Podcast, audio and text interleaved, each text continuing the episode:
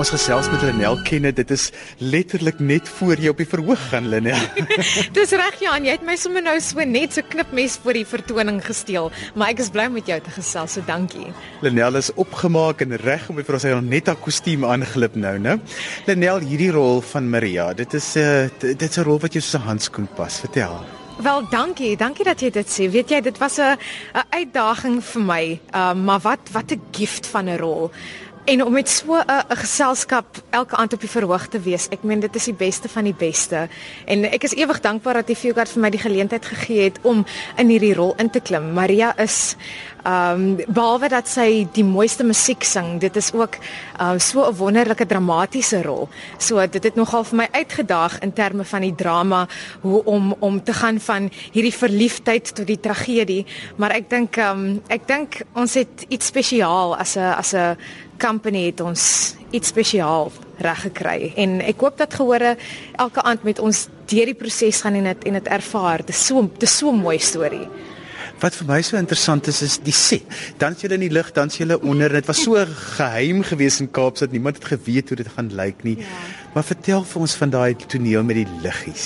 Oef, die toneel met die liggies. Ek lag so want Jonathan sê nou die dag vir my um in een van ons tegniese uh oefeninge, toe sien ons die liggies vir die eerste keer. Toe sê hy vir my, ons kan eintlik enige iets sing want die mense klap nie vir ons hande nie. Hulle klap hande vir hierdie ongelooflike spektakel wat hulle sien. Maar dit natuurlik um die die beligting ontwerp en selfs die set ontwerp van die late um Johan Engels is net dit is ongelooflik mooi om te sien die set raak eintlik ook 'n karakter want dit dit dit alles wat jy op die verhoog sien gebeur dit versterk dit net en bring daai emosie uit. So dit is absoluut 'n fees vir die oog. Wat vir my so lekker is van die stuk is is dat jy sing en dans. Is so opreg geteelde uh, musical. Dis lekker. Dis anders van opera. Ek ek dink um 'n stuk soos West Side Story dit vier um net youthfulness en en om lewend te wees en en dis 'n dis regtig 'n celebration van die lewe. En ek dink daai energie dit dit lees so goed op die verhoog en natuurlik die kostuums, die kleurvolle kostuums wat so 'n 'n staak kontras is teen hierdie vaal betonmure van die stad. Dit raak net lewendig en en exciting as jy dit sien. Wat is vir jou die uitdagings van hierdie produksie buite die die skaal waarop dit is want die skaal is amper so oorweldigend vir die gehoor so groot is dit. weet jy, emosioneel was dit 'n uitdaging vir my. Ek weet nie um of mense weet nie, maar my ma was lank siek en net voor ons begin reis het aan Westside sy's 'n maand voor dit oorlede. En op die verhoog het jy te doen met hierdie ongelooflike emosionele materiaal en om met iemand soos Jonathan te werk, ons ontbloot ons siele vir mekaar elke aand op die verhoog. Um dit was nogal 'n bietjie van 'n uitdaging omdat dinge so vars vir my was.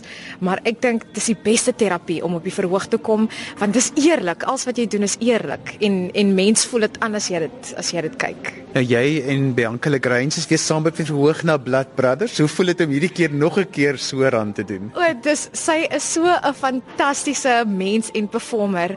Ek meen jy sien vas sy's 'n absolute joy om te kyk op die verhoog en om van haar te leer, sy's al 'n bietjie langer in die bedryf.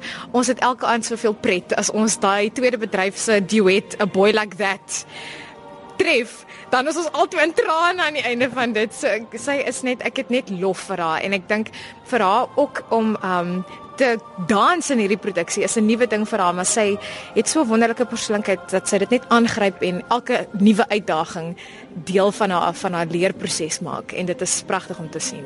Nou jy's klassiek opgelei hierdie dansery Maria dans is vir 30 sekondes aan die begin van die produksie. Ek het nogal gestres toe Louisa vir my gesê het kom ons sit vir jou ook daarin. Want natuurlik jy wil die die die gevaar altyd met die Tony en Maria rolle is dat jy so afgesonder word omdat jy word as die sangers van die produksie gesien en dat jy die dansers aan die een kant. Maar ek dink sy wou dit integreer en regtig vir die karakter deel maak um van die Puerto Ricaanse groep en dan natuurlik as ons begine sing dan is ek en hy nou op ons eie. Maar dit was dit was ook 'n uitdaging vir my, maar jy geniet dit net. Ek meen, ek spot altyd en sê dis nie eintlik so baie Louisa se choreography soos wat dit net ek is wat myself op 'n Vrydag aand verteenwoordig nie. Die musiek is ongelooflik moeilik en ek dink is nog 'n uitdaging vir sangers om hierdie ongelooflike moeilike musiek te kan sing. dit is waar, weet jy? Ek onthou toe ons um, die skoor gekry het en ons het daaraan begine werk. Dit is tegnies uitdagend, maar dit is so seemingly maklik. As jy dit hoor en dit word reg gedoen, dan dan flows dit jou eintlik. Um ek moet sê een ding wat ons agtergekom het is jy word so invested in die emosionele tonele dat baie keer skree jy jouself uit jou stem uit en as jy weer moet sing dan sê jy yes. So dis om daai perfekte balans te stryk tussen jy moet jou stem uh natuurlik preserve om die groot nommers in die tweede bedryf veral vir Maria te kan sing, maar ook um om om eerlik en opreg in die dramatiese tonele te wees. So dis alles oor balans regtig, maar om met Shaal te kon werk. Hy um is so ingestel op die emosionele integriteit agter wat jy sing. Dit moenie net mense moenie dink ag dis mooi musiek nie. Hulle moet dit voel saam met jou en ek dink dis die belangrikste en as 'n span het ons dit baie goed reg gekry van die moeiliker musiek sing julle eintlik as julle ver is van mekaar. Omdat die stel so groot is is julle julle is uh, letterlik ver van mekaar op die verhoog. Dit moet nog 'n uitdaging wees om mekaar te kan hoor. Nee dit is weet jy baie keer voel dit vir jou asof jy 'n afsondering in sing maar gelukkig die monitors is daar so jy hou net vir Shaal op dan weet jy jy's jy's op die regte plek en hulle die balans is goed want hulle doen fantastiese werk met die klank self Maar uh, jy moet maar vertrou. Dis soos jy jy het geloof in wat jy doen en ehm um, dan dan hoop jy maar vir die beste. Was West Side Story iets wat jy altyd wou gedoen het? Weet jy, ehm um, toe ek nog opera geswat het, mens gaan nie opera skool toe en dan dink jy ek wil as ek hier klaar is musical theater doen nie. Maar ek was totaal en al onbewus van die tipe repertoire wat toe moontlik vir my was. En um ek sou nie aanvanklik vir hierdie audisie het nie. Ek het ek het showboat gedoen oor see toe Westside vir my gesê het stuur 'n audisie in. Kom ons kyk of of of jy dit kan doen. Um maar daar is 'n hele wêreldse repertoire wat nou oopmaak. Klassieke musiekteater is is ongelooflik omdat dit vir opera sangers die geleentheid gee om crossover te kan doen en regtig hulle tande te kan slyp in die dramatiese uh, rolle. So laaste vraag want ek eintlik 'n opmerking die gehoor kan hulle self nie beteel nie want hulle ken die liedere so goed en hulle is net met julle.